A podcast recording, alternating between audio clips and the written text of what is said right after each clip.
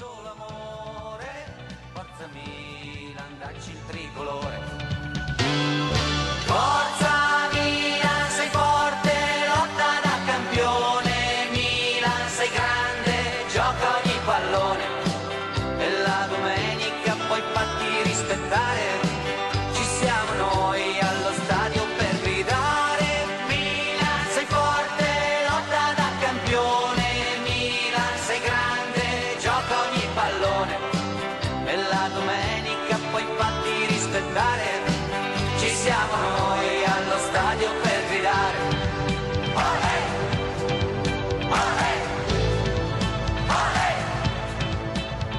Och då säger vi varmt välkomna tillbaka till Fossa degli Alci.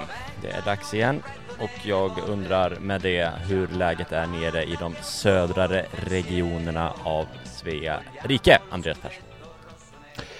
Det står väl till. Det är inte fullt så varmt som det har varit den senaste tiden så att det är tolererbart. Och vän av Fossa degli Alci vet att eh, värme är ditt kryptonit. Ett av dem i alla fall. Lite mer norrut är han eh, stationerad och han är tillbaks i Fossa degli Kerim Cevic, hur är läget? Det känns bra, stabilt. Fysiskt har man väl kanske mått bättre. Jag var på bröllop igår i Täby, så det var kul. Eh, Vaknade upp och fick veta, just det, vi ska podda, nice. Så bara hoppade jag rakt in. Det känns bra. Eh, Man har väl legat lite så här på eh, Vad ska vi säga, latsidan Eftersom det har varit som det har varit med fotbollen och allt övrigt Men det känns kul att allt börjar komma igång igen trots eh, publikförbud och allting så, så känns det bra att kunna kolla lite riktig, riktig fotboll. Så det är bra.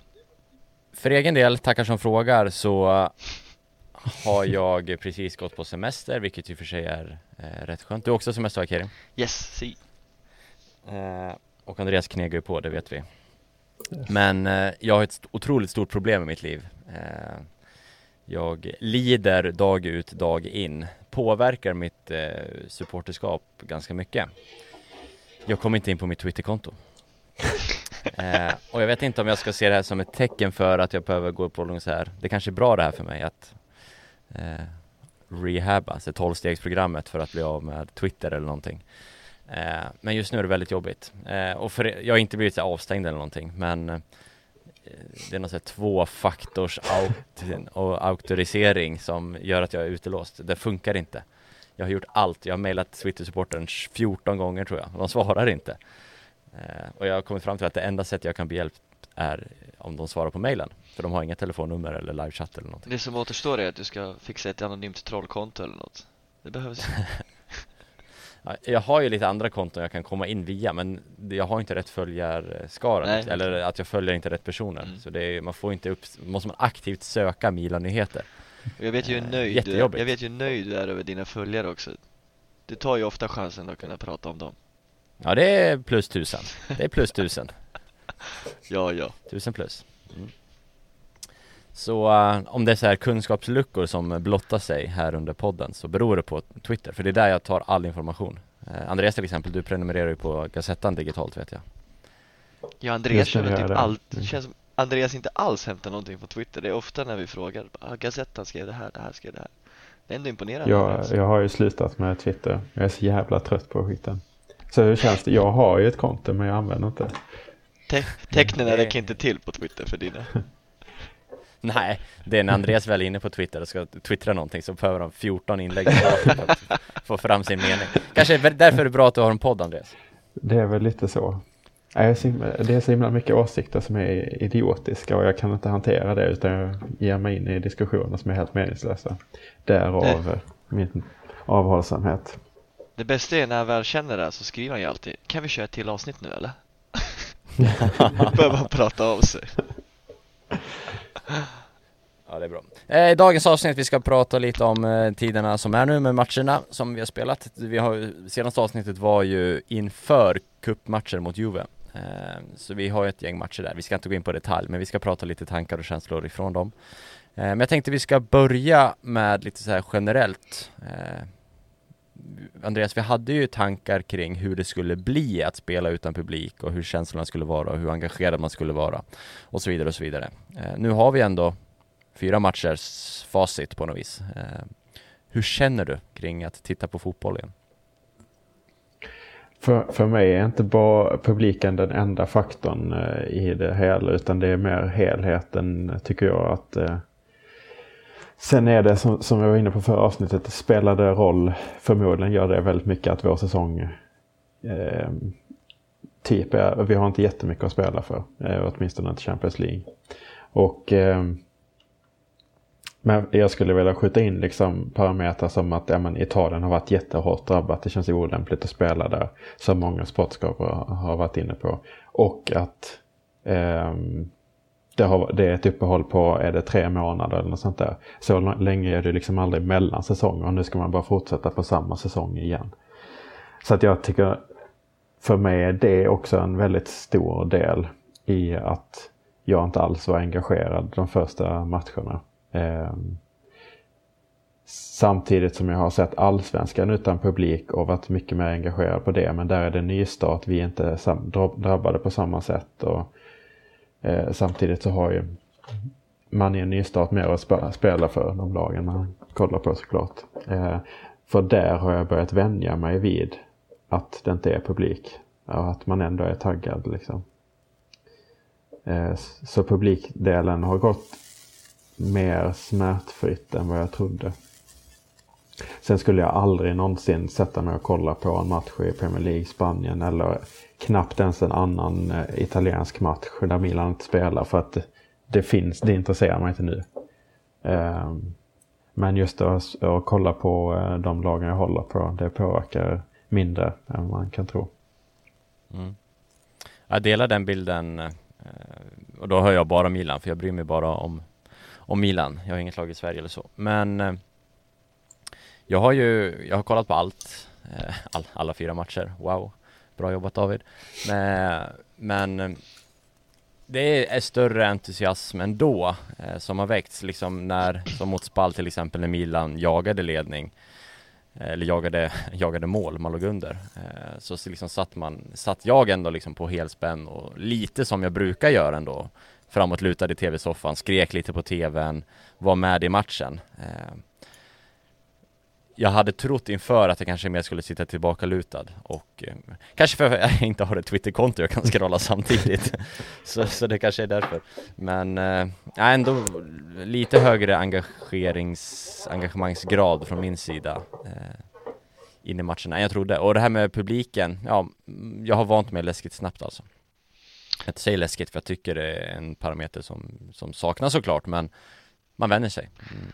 Jag tyckte det var eh, jobbiga kanske var väl när man, när man inledde utan publik, alltså när det väl, när själva corona liksom inträffade. För då gick det så abrupt från, från att ha publik till att inte alls ha någon publik eh, någon match där. Eh, och då blev det ju verkligen träningsmatchgrejer. Men sen, sen har man ju varit utan fotbollen liksom i tre månader eller vad det är för någonting så att nu är man ju nästan tacksam för vad som, vad som än visas liksom på tv och vad man än kan se så under den tiden har jag i alla fall hunnit sakna det något extremt för att mitt, mitt intresse blev ju iskallt där under, under en period eh, men upplever du det med eh, typ, alltså eh, tittar du på allt? Vi pratade ju lite om det här förra avsnittet men då var inte du med men Nej precis, alltså jag har ju en jag... Följer du all fotboll liksom?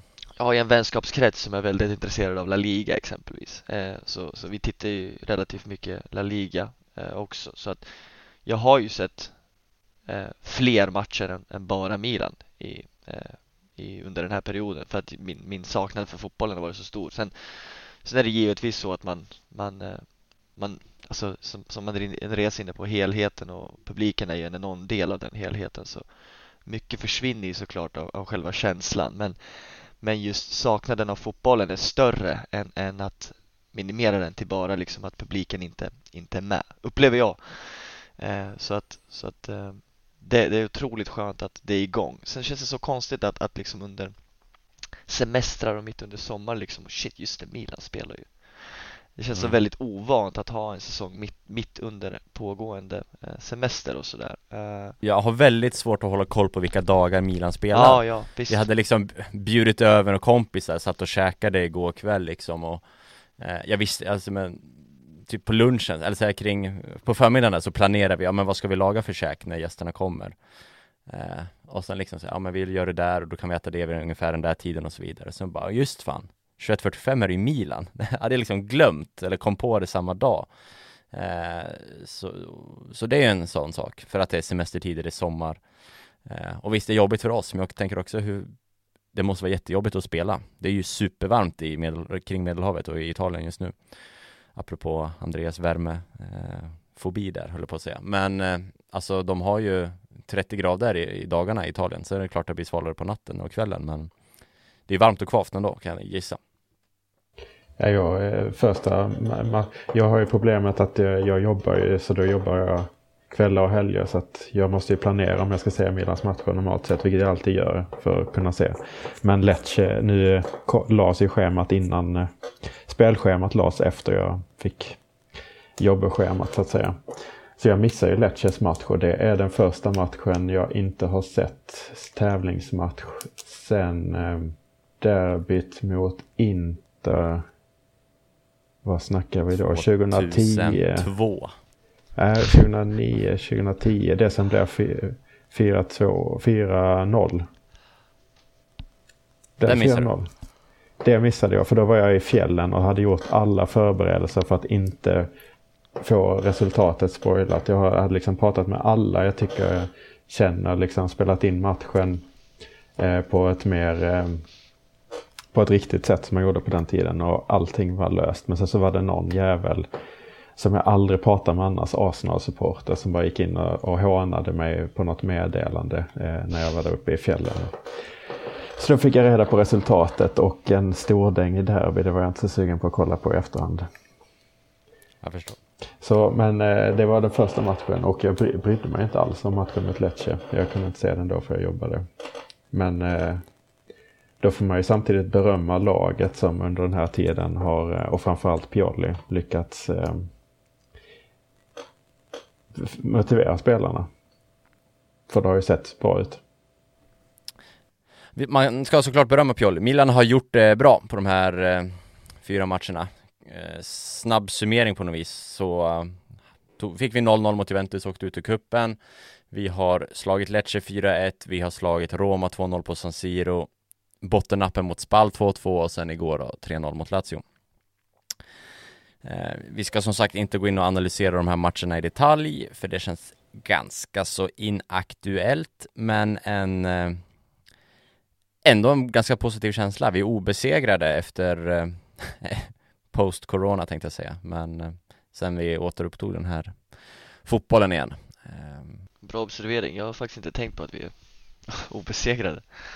Ehm. Nej men det, det känns väl bra. Jag menar, jag tycker att man har kommit upp i en ganska bra nivå eh, efter, efter uppehållet. Ehm. Flera spelare tycker jag liksom utmärkt sig. Chalhanoglu kanske ganska mycket. Han har varit hur bra som helst tycker jag. Eh, jag tycker även att eh, Paketa var jättefin senast han spelade. Det var ju sjukt. Det var som att se en ja, men riktig prime brasilianare typ när han var som roligast i, i, i sin roll.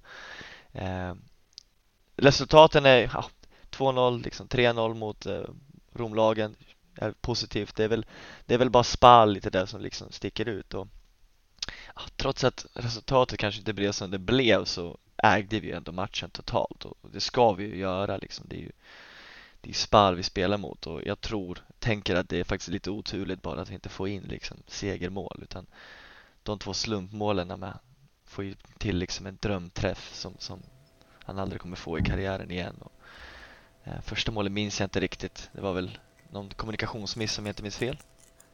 Ja men det blev, jo det blev nog bök i straffområdet typ. Eh, vi kunde ja, göra, ja, vi kunde göra rensa liksom. Ja, så kom det mellan benen på Chalanoglu eller något sånt där. Liksom. Gabbia kunde inte rensa. Nej, alltså det var ju så här. Det där hände ju inte. vår gamla talang. Ja, så det är ju inte liksom Min spa... Facebook-vän. Ja, just det. Jag var, var slash är vän med Valotti på Facebook. Så i det här fallet upplever jag att det är liksom Spals eh, duktiga sätt eller bra sätt att spela och nyttja situationer utan det är väl snarare vi som sätter krokben på oss själva liksom. Eh, I övrigt tycker jag Milan spelar, spelar bra, det, även den matchen. Eh, så att efter uppehållet tycker jag det känns positivt, bra vibes eh, och det verkar som att väldigt många tycker det är kul att spela fotboll igen. Andreas? Ja, men, eh, lite det jag var inne på med, alltså det är jätteimponerande tycker jag av Pioli som under de här förutsättningarna med att eh, det pratas jättemycket om Ragnik. Det verkar liksom nästan 100% vara att Pioli ryker efter det här. Milan har i princip, alltså det vi snackar om att vi, vi satsar på att komma sexa i ligan. Det är liksom det är verkligen inte något stort sportligt mål att satsa med. Ändå så lyckas han motivera. Det beror på vem du frågar. Det beror på vem du frågar. Just det. Enligt Mattias Concha som... så var en bragd om Milan tar sig till Europa igår. Många mycket märkliga. Husfeldt var inne på att äh, det är bra om, äh, om äh, för Milan om Napoli går bra. För att gå Napoli bra i och med att de redan är klara för Europa via Coppa Italia så räcker det med topp 7. Medan om Napoli går dåligt så blir det bara topp 6. Fast det, det blir ju exakt samma sak för Milan. Det är sex lag antingen sex lag plus Napoli i sju lag eller så är det sex lag minus Napoli om Napoli går dåligt. Jättemärkligt resonemang. Så de var, de var ute på märkliga analyser igår. De var inte på topp igår, Concha Husfeldt. Nej, det var de inte. Um, Nej, men så det, det är väldigt imponerande och spelmässigt tycker jag också att det ser bra ut. Så att, eh, I alla fall de senare matcherna. Eh, vi, vi får också räkna in att vi höll nollan eh, mot Juventus eh, i det här också. Eh, Apropå lag som ser ganska bra ut. Sen Milan-matchen har Juventus varit sjukt bra. Ja. Ja, jag, är lite, jag är lite inne på det att det kanske är att eh, det är i alla fall en fördel att vi fick Coppa Italia final, eller matchen eh, inne. Att vi fick spela igång oss lite innan ligan började. Det har varit, eh, om jag inte blandar ihop resultaten, men jag tycker att jag har sett att de eh, man har fått en fördel av att spela hängmatcher och Coppa Italia-matcher. Att man lyckas komma igång liksom innan de andra i ligan kommer igång. Mm. Um. Vad tänkte jag säga? Ehm. Om, om vi tittar, vi kan titta mer på, på individuella, individuella spelare, så nämnde du Hakan Calhanoglu Kerim. Eh, jag tycker som du säger att han, han har varit riktigt bra. Det var någon som, jag såg det nog via Twitter igår, via något annat konto jag har. Så, så liksom, eh, Calhanoglu eh, post coronauppehållet eh, är lika med De Bruyne. alltså, Eh, ska vi såklart sitta lugnt i båten och, och andas lite, men han har varit riktigt bra, eh, Hakan. Eh, och den här nivån har vi ju sett, men nu har han ändå levererat den i princip mm. konstant, eh, match efter match nu.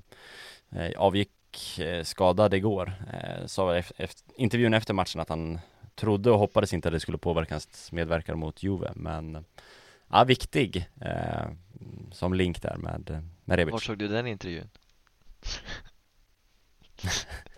Ja det var, var väl eh, Twitter också. Jag har ju, alltså jag kan gå in via Solo Cultures Twitterkonto. Men eh, ja. Okej. Okay. Inte rätt konto, inte rätt. Nej, jag har ju eh, inte långt åt mina hyllningar till Chalanoglu. Det gör jag ju. Ska du ta på dig lite ära för att du alltid har hyllat Chalanoglu?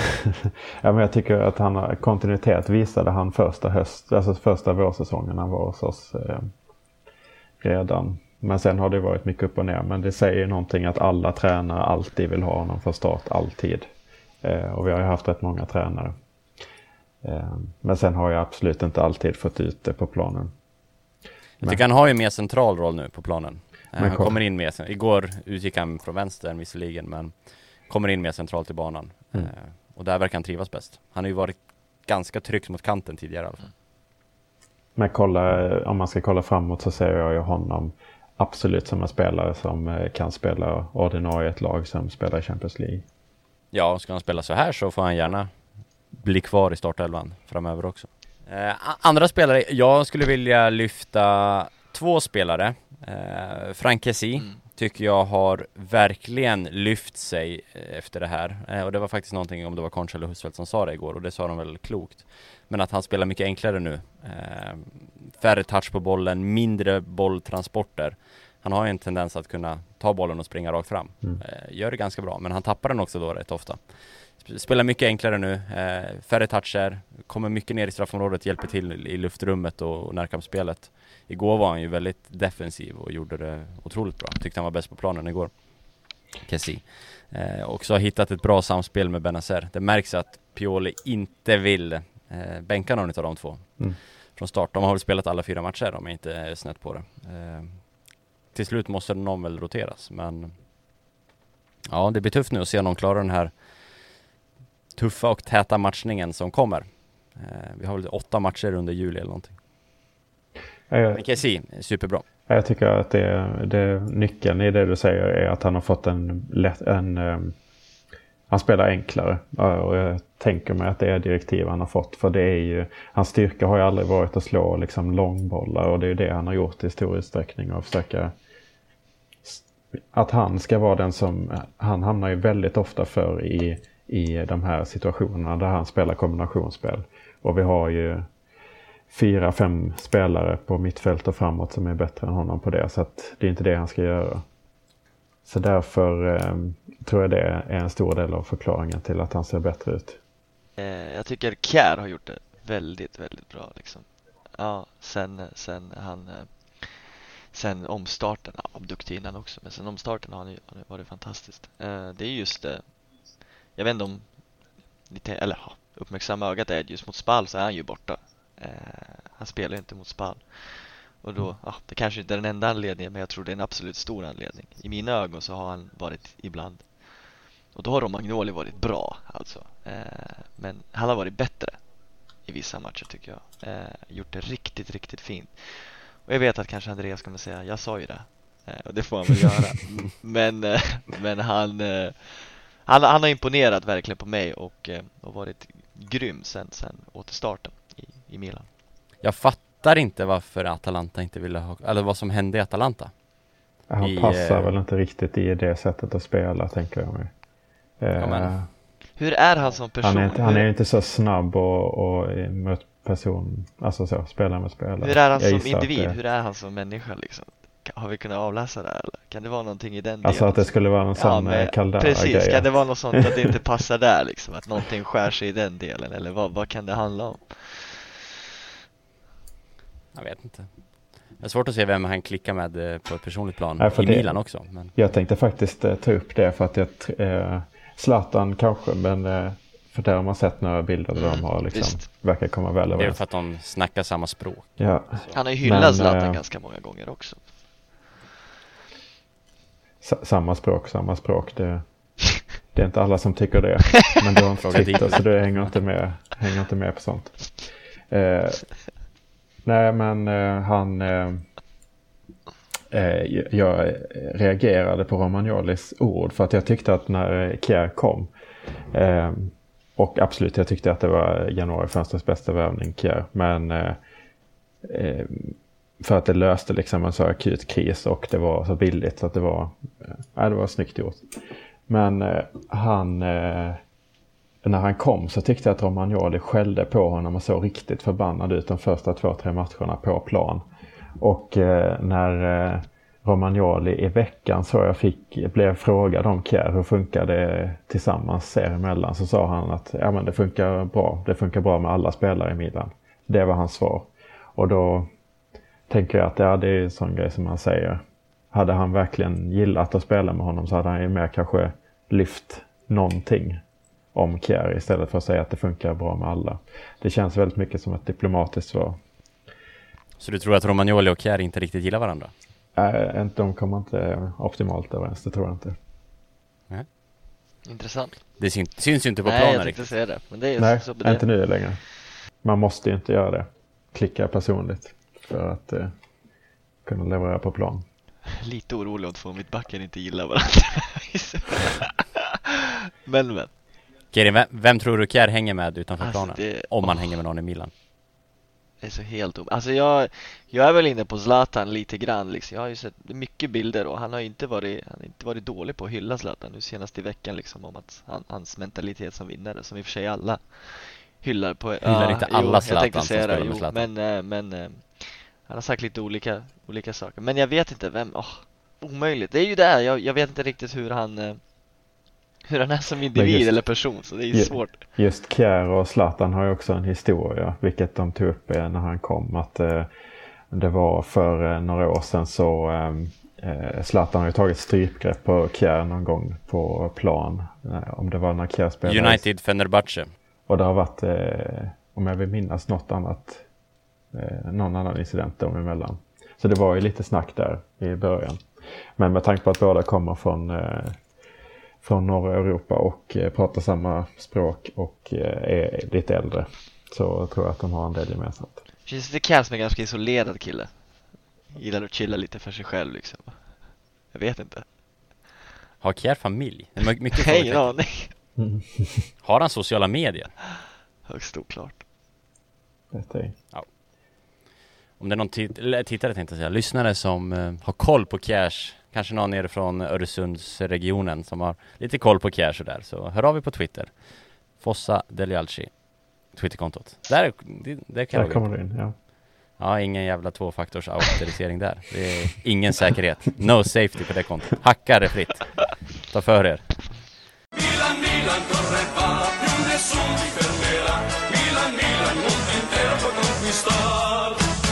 Jag tänkte igår när jag tittade på matchen mot Lazio Dels att eh, Lazio var jätte, jättedåliga. Eh, Och det, vi- det är inte en Lazio-podd men eh, En snabb analys av, av deras lag. Eh, Det var nog där scudetton rök? Frågetecken för dem, deras chanser. Jag trodde väl kanske inte på det inför men Igår så kändes det och blev verkligen tydligt att Lazio besitter en ganska så tunn trupp om man jämför med deras utmanare Juventus. Lazio skulle ju, de var inte med i någon annan turnering, eller är inte med i någon annan turnering än, än ligan. Eh, och då, man gick ju stenhårt för ligan eh, och åkte väl nästan ur Europa League medvetet för att slippa Europa League, eh, för att gå för ligan, en match i veckan ungefär. Medan Juventus skulle ha Champions, und so weiter. Nu blir det inte så, utan man ska spela var tredje, var fjärde dag och då har Juventus en otroligt bred trupp och Lazio är iskalla. Vilka jävla låtsasspelare de hade på planen igår alltså. Eh, kände, nu ni igen spelarna som Lazio stoppade in under gårdagen? Eh, Man hade inte stenkoll på alla. Det ska man ju inte sticka under stolen med. Två stycken Andersson på bänken. En Mm. brasse Andersson och en eh, holländsk Andersson. Aldrig hört Okej. talas om. Man Javan Andersson. Mm. Och sen han mittbacken att stoppa in. Eh, om han var serb eller någonting. Jättedålig var han också. Ja, det var en parentes. Eh, det jag tänkte på var att den gode Zlatan var tillbaks i startelvan. Mm. Förvånande. Jag trodde inte han skulle vara med från start. Och jag tycker att det, gårdagens 45 minuter han gjorde var de sämsta han har gjort i Milan-tröjan sedan återkomsten. Eh, mm, det kan vara så. Sen är jag är lite så. Folk skriver att eh, han inte är tillbaks från skadan ordentligt och sånt där. Jag tyckte att han var dålig även innan uppehållet. Han var ju mycket bättre än vad jag trodde när han kom. Men eh, sista matcherna innan eh, coronautbrott- eh, avbrottet så var han kass tyckte jag. Och användes i en konstig roll. Eh, samma som vi såg igår. Han droppar djupt. Ja, och då eh, försvinner lite poängen med... Alltså så som han gjorde igår, han rörde ju sig mindre än Totti gjorde när han var 40 liksom, innan han la av. Han, och då är ju de... Visst är Zlatan ett geni, men han är inte ett geni som Totti är. Eh, och framförallt har ju Zlatan andra styrkor som Totti inte hade. Och de kommer ju bäst... Eh, eh utnyttjas bäst i straffområdet. Nej, alltså Nu har jag haft Rebic på topp i tre matcher och det är ju man får mål till slut förr eller senare så sätter Rebic en boll men det är mycket annat vi saknar när man har Rebic ensam på topp Det blir ju ingen Mm. tyngd alls egentligen Det går ju inte att spela långboll och luftspel egentligen Mm. eh, Och med Zlatan tillbaks igår så tänkte jag att ja, men Nu kan vi äntligen låsa fast en boll och så vidare Men med, med Zlatan gick ju ner efter så här 5-10 minuter så var han nere på mittplan och hämtade bollar och ut mot högerkanten väldigt mycket och domderade bort Salamäkers. Eh, liksom tog hans position i princip i offensiven. Slog lite inlägg och grejer. Nej. Sen är det förvånande, han får eh, högst betyg i nästan alla italienska tidningar idag. Eh, Gazettan hade han högst va? Du som... ja, de, han hade eh, Il Migliore där. Sen hade han ju sju och eh, Theo Hernandez fick sämst betyg 6,0 så att alla ligger ju däremellan så det är inga stora eh, skillnader. Men de spel, alltså, eh, siffrorna spelar jättestor roll för dem, alltså i bemärkelsen mål och assist och han har ju ett mål och en assist. Eh, även om straffen är en, kanske den sämsta han har slagit på mycket länge, men den, den går in. Eh, så att de fokuserar väldigt mycket på de siffrorna, mm. eh, tänker jag. Jo, så är det ju. Men eh, nej, eh, lite så här frågetecken för hur vi nu ska spela. Ehm, Finns det plats för Rebic och Zlatan? Eh, ska man ta ner Rebic på en sån här ytterposition igen? Mm. När han är på topp har han obviously gjort mål. Han gjorde mål igår igen liksom. Eh, och vi kommer inte peta Zlatan om Zlatan är någorlunda frisk. Har jag svårt att se. Eh, så, så, lite sådana tankar om dels matcherna som kommer här och Alltså jag såg ju bitvis av matchen eh, men, men inte tillräckligt mycket för att bilda mig en större uppfattning av någon förutom att Bonaventura var ganska iskall också. eh, men eh, jag vet inte, jag, alltså det, det är väldigt svårt. Jag har ju alltid varit för att Zlatan Ibrahimovic ska spela så mycket som möjligt för allt han bidrar med, inte bara liksom som fotbollsspelare men också som person och, och det, det han gör med laget och hur, hur han arbetar med dem. Eh, sen så vet jag inte, ja, ja, ja. Leao har jag också en väldigt svag punkt för. Jag tycker om Leao. Jag tycker om Leao väldigt, väldigt mycket och när han spelar på topp så är han rolig att liksom titta på. Men samtidigt så har han så mycket att finslipa på eh, som, som fotbollsspelare. Det, många kanske Niang-vibbar som du säger tidigare har nämnt kring, kring honom. Så jag vet inte. Men jag känner ändå att han har väldigt mycket kvar att visa och bevisa. Så jag skulle vilja att han spelar mer än vad han gör. Och Ante Rebic är ju när han är på topp så är han nog den absolut, han är statistiskt också den farligaste spelaren vi har. Så han måste ju också på något sätt få plats i det här. Och en Chalhanoglu som, som också är i superform just nu. Alltså det är svårt. Eh, men för att knyta an till det tidigare, jag vet inte, Bonaventura, så ont som det gör att säga så kanske inte han har så mycket kvar att bevisa i det här laget. Eh, utgående nu till sommaren efter säsongen. Eh, så jag vet inte. Sen, ja, det blir svårt. Och hur, hur ställer sig eventuellt nu när Ragnhild kanske kommer? Vad tycker han? Vad tänker han? Ibrahimovic, som vi nu ska prata om, tror jag inte kommer vara kvar efter säsongen. Eh, utan han kommer nog eh, lämna tror jag. Och jag tror han kommer gå till Hammarby. Eh, så att det kommer väl lämna mer utrymme för just Rebic och Leao. Eh, framförallt kanske eh, att, att slåss om. Alltså som jag ser det så, eh, som det ser ut just nu och ser ut innan uppehållet så är det bra för oss om han lämnar. Alltså för han tillför, han tillför inte tillräckligt mycket och han eh, Sen är det ju svårt det där med vad han tillför eh, i och för sig. För Milan spelar ju väldigt bra mot Lazio när han är på plan. Eh, och då, det kan ju vara någon slags inställningsgrej samtidigt som att det som jag tycker är bäst är vår förmåga att liksom försvara oss väldigt kompakt och sen gå upp och pressa väldigt högt. Till exempel eh, eh mot Lazio. Man såg ju liksom återigen oerhört motiverande. Alltså jag menar Lazio spelar mot eh, för scudetton. Vi har nästan inget att spela för. Det är samma sak med alla de andra. Lecce har ingenting. Eller Lecce Spall slåss som överlevnad. Roma har ju minst lika mycket som oss att spela för. Ändå så har vi sett så här drivna ut och det är ju bra. Eh, och eh, det såg man ju på plan när Zlatan var på plan mot Lazio. Men han delar, deltar inte i sig i pressspelet. Eh, eller speciellt i det uppställda försvaret heller. Och sen är det ju det här att han tar väldigt mycket fokus men det gör han ju inte på samma sätt om han dyker ner. Han, han tar ju inte så mycket uppmärksamhet av mittbacken om han dyker ner hela tiden. Nej.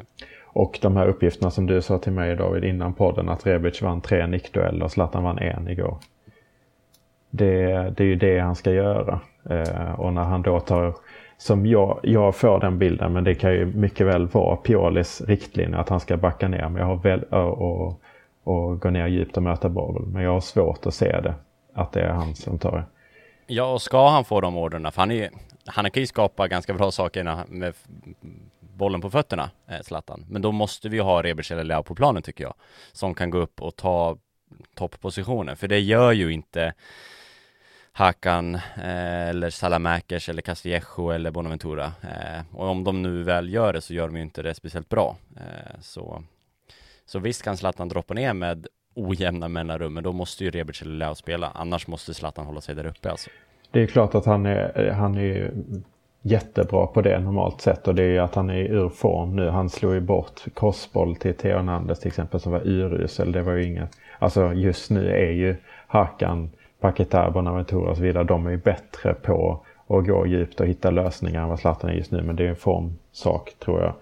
Eh, men eh, problemet är att det kan, Zlatan kanske kan visa sig så, men för laget så är det sämre. Och min bild är att han tar initiativ till det själv. Och då har vi ett problem som går in lite i det här med Gazidis, att han tar alldeles för stor plats. Eh, och det är aldrig bra. Alltså även hur bra man än är. Och Zlatan är, har varit väldigt bra men han är absolut inte tillräckligt bra till att ta så mycket plats i en klubb som vill aspirera om man blir större. Tror jag. Du syftar på det bråket som man ju hade med Ivan Gazidis. Eh, det var väl strax efter att vi spelade in podden, eller om det var samma dag till och med. Mm. Eh, men nyheterna kom ut efter. Vi hade släppt avsnittet. Eh, där de ska haft en, en ganska ljudlig och öppen eh, verbal konfrontation på Milanello.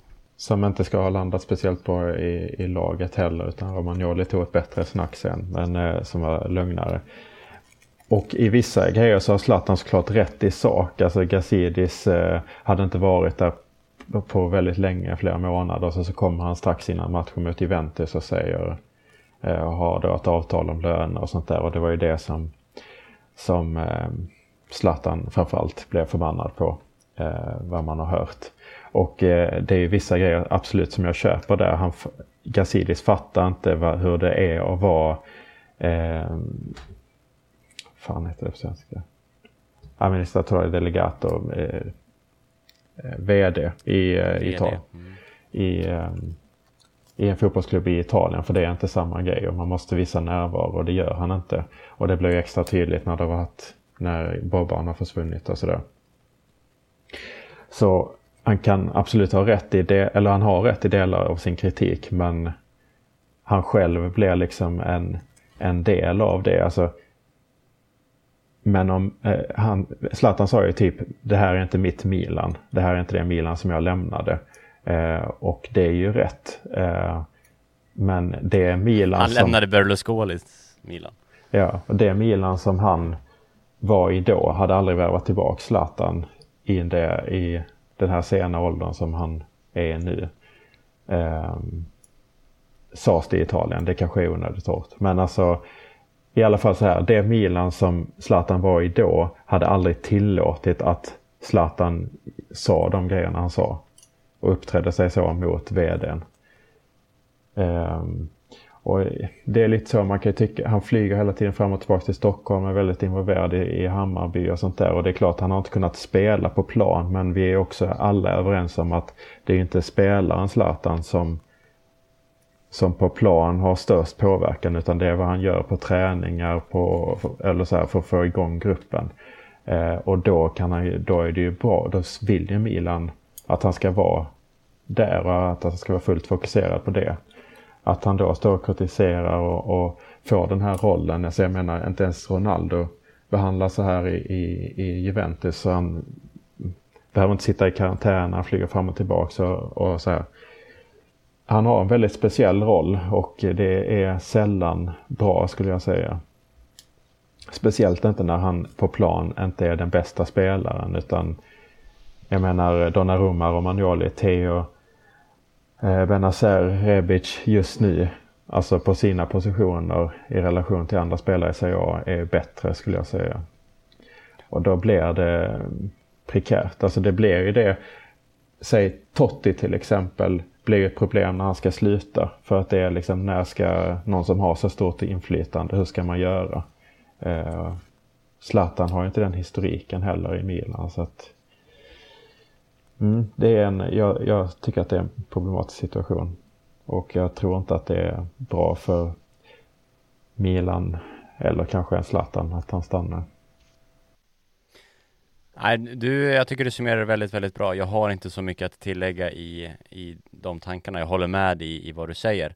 Hade han presterat på planen eh, som den eh, spelaren han en gång var, eller kanske skulle kunna varit om det inte hade varit för skadorna fortfarande, så, så, så hade jag på något vis köpt en särbehandling och en högre status och göra lite vad man vill. Eh, för det är liksom, man kan ta för sig om man samtidigt presterar, tycker jag.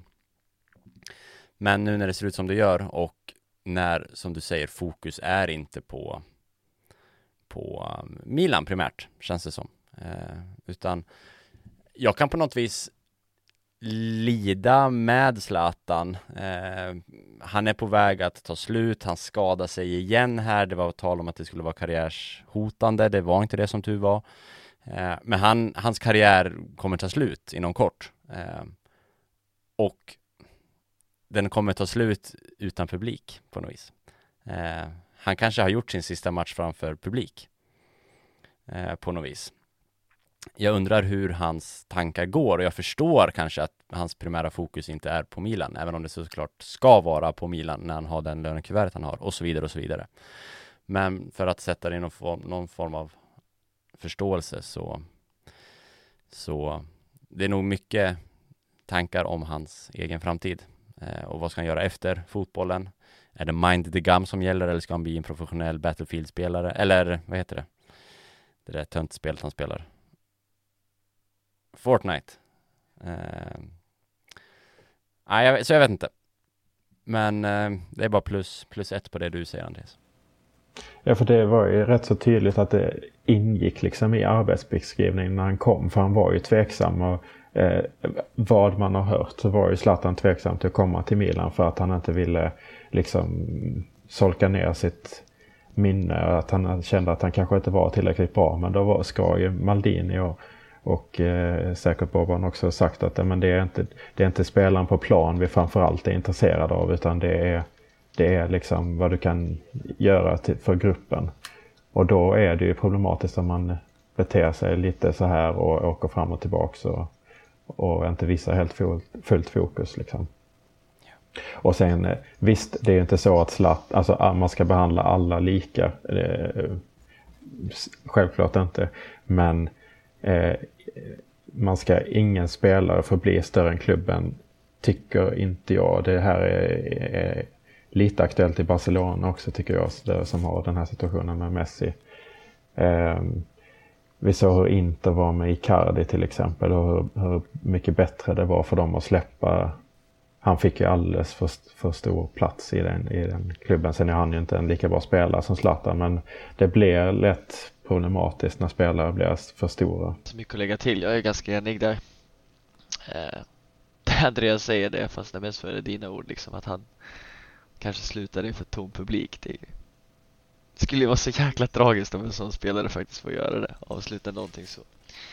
Eh, men samtidigt så måste man ju börja enas med tanken om att han, han har snart har liksom gjort sitt. Eh, och det är ju ett början på något slut eh, för en så magisk och stor fotbollsspelare som faktiskt har betytt väldigt mycket, inte bara för eh, landet Sverige utan även för vår klubb Milan liksom historiskt. Så den respekten måste man ju ha fullt ut hela tiden. Men eh, det är ju nytt läge, det är ju andra positioner, det är andra åldrar framförallt. Eh, så helt enig egentligen i, i det jag sagt. Så. så, stannar han till nästa säsong Karim? Nej, jag har ju sagt det tidigare. Jag tror inte han stannar till nästa säsong.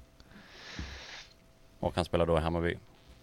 Med största sannolikhet ja. Jag tror det är lite slut på överraskningar nu faktiskt. Eh, inte mycket mer att laborera med. Så jag, jag, tror Hammarby. Det hade varit kul med Hammarby, men eh, jag vet inte. Det, det beror på. Det, så här, jag reserverar mig lite grann då. Om, om Ragnik kommer, då försvinner han. Om Pioli är kvar, då, då kan det bli ett år till. Alltså så som Pioli spelar nu, alltså för han har ändå fått igång ett offensivt spel och det är inte så konstigt att det har tagit tid. Jag menar, det är inte så lätt att sätta det när man kommer in mitt i säsong. Liksom. Och nu har, har det gått några månader aktiv tid så att säga. Så det går inte att säga att Pioli har gjort det dåligt och inte jag tycker att han är en tillräckligt bra tränare också om man ska gå in på, på framtiden för för att ta laget till Champions League och eh, vara med där. Det var inte svar på frågan. Vad jag tror, nej men det har varit kul att se med Hammarby. Det, det, det hade ju varit samma sak. Sluta ljug, sluta ljug nu. Jag hoppas det innerligt. Det hade varit jättekul för rivaliteten. Eh, och jag är inte helt säker på att det kommer gå så bra där. Sen är han ju, är väl, kommer ju vara jättebra. Men eh, det blir ju samma sak på plan där. De har ju, Hammarby också ett väldigt, in, eh, väldigt eh, ett spelsätt som bygger på mycket rörelse.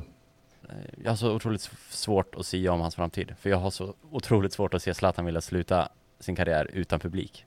Jag hade liksom det varit fulla läktare på Söderst eller på Tele2 eh, så hade det varit känts givet på något vis. Nu känns det inte lika givet. Att gå in och spela sista en halv säsong eller något på konstgräs med Hammarby. Eh, möta Falkenberg och vilka det nu är som är uppe. Eh, andra skärmgäng. Eh, alltså svårt att se det. Men ja, vi får väl se. Jag tror inte han fortsätter i Milan i alla fall. Det tror inte jag heller. Han kanske lägger av. Snart kanske det announcement kommer. Att det här är sista matcherna. Ja, oh, fy fan vad sorgligt. Helvete. Alltså ska, om man ska ha det här om, om eh, framtiden så vill jag snabbt nämna det eh, Oskar Fredrikssons fråga om hopp innan. För jag känner att jag har de senaste avsnitten målats upp som väldigt eh, eh, pessimistisk. Men det är ju för att vi har pratat väldigt mycket om någonting som jag är pessimistisk kring och det är ju ledningen. Men det är ju det som, som eh, jag stör mig på väldigt mycket. Innan detta och det kanske an, lyssnare som har varit med länge kommer ihåg så har jag ofta varit väldigt optimistisk och mer än de flesta. Eh, och eh, det som ger mig optimism är ju att jag tycker att truppen vi har är betydligt bättre än vad många tycker. Om man jämför med andra lag så tror jag att vi behöver de problemen jag varit inne på. Vi behöver ju anfallare till exempel. Men, eh, eh, och vi har ju inget riktigt, riktigt klockrent alternativ där. Eh, efter Piontek, efter Higuain. Så där behöver vi en riktig stjärnvärvning. Men jag, jag skulle säga att vi är vi, det är inte så stor skillnad mellan oss och Inter innan Inter gjorde den här, de här några få värvningar och sen är de med och slåss om titlar. titlar. Så att eh, det svåra för oss tycker jag är att vår trupp är så jämnbra för att det är svårt att se var man skulle, vem som är så uppenbar att peta. För det är så många som är jämnbra. Men eh, två, tre riktigt bra värvningar och anfallet behöver ju förstärkas. Så kan, kan jag inte se varför vi skulle inte kunna gå en liknande resa som inte även om Contes är speciell. En top forward, en högerback, en eh, mittback. Det är svårt att säga, man tänker i mittfältet men nu har men så är de så jämnbra. Benazer är jättebra, Kessi har varit bättre och, och Chalanoglu tycker jag ska spela så att eh, mm. Vi kanske ska ha, om man jämför med Inter, som har liksom Barella, Sensi, Eriksen, eh, Vesino, Red, ja. Brozovic. Eh, de har ganska många. Låt säga att Benazer är på deras nivå. Men de har fyra på samma nivå liksom. Mm. Eh, så, så vi saknar ju en, en bredd. Våra alternativ är Rade Krunic och Biglia som kommer lämna. Eh, den sistnämnda i alla fall. Krunic mm. kanske blir kvar. Eh, men eh, vi har ju en ganska Bakom startelvan är det ganska klent. Så är det. Det är ju bara, alltså när man kollar på bänken nu i de här matcherna. Det, det enda som är spännande, så här, hoppas han hoppar in, det är ju Leao. Mm. Ingen annan vill man ju ska hoppa in för att man ser att det blir en sån försvagning. Eh, vi har ju varenda gång, nu startade Selemakers, men liksom han har ju hoppat in i varenda match. Eh, han, gjorde, han har gjort det okej, okay, eh, bättre än jag trodde kanske, men det är ändå försvagning när han kommer in kontra Castillejo till exempel. Absolut eller Paketa mot Hakan eller vad det nu har varit. Eh, mm. Hakan också, eller Paketa också spännande, men han har varit inte lika bra som Hakan. Så ja. Och Kronic är ju, och alltid ska vi, jag stör mig på att vi, Pioli, om vi, nu pratar vi nutid igen här, men istället som igår för att rotera Benazer eller Kessi eller eh, Romagnoli, eh, när det ändå står 3-0, så byter han Eh, Conti mot Calabria, han bytte Bonaventura mot Kronic. Jag tycker varken att, eh, eller att högerbackspositionen eller Bonaventura är den som ska roteras primärt, utan det är Kessi, Benazer, Romagnoli kanske. Men ja, det är alltid samma byten, det är väl det jag försöker säga. Mm. Som är Ja. ganska tråkiga byten. Ja, det, är, ju- det är ju kaxigt att rotera när man möter den största ligakonkurrenten till Juventus på bortaplan. Men visst, det var, blev ju avslaget i slutet. Okej, eh, ny take. Eh, jag ska inte avsluta avsnittet, jag lämnar över ordet eh, fritt. Hugg den som vill runda av den här podcasten. Ja, jag hugger väl före dig Andreas. Så att eh, jag kommer inte göra det lika bra som David utan jag säger helt enkelt bara. David är ju så här superbra för han, han är, lever ju in sig och lägger in musik du vet när man ska gå till San Siro och hit och dit och matchdag och allt möjligt. jag säger bara eh, tack för att ni lyssnat. Fortsätt följa oss på sociala medier. Interagera så mycket som möjligt med oss. Ställ frågor. Maila oss. Kan de maila oss eller? Eh, vi har haft en mail en gång i tiden. Ja. Har du fortfarande, har, är du avstängd där också? Eh, den heter fossadeljachet.gmail.com men eh, jag har inte varit inne där sedan 2014. Det är kanske omodernt att mejla nu till och med. Det är lättare att bara skriva på Twitter, vilket du inte kommer på. Men eh, skriv gärna där så kan jag och Andreas försöka svara. Men du kommer fortfarande inte på Fosse de Glad-konto, det det kan du ändå vara med och svara på. Eh, tack för att ni har lyssnat återigen. Hej då.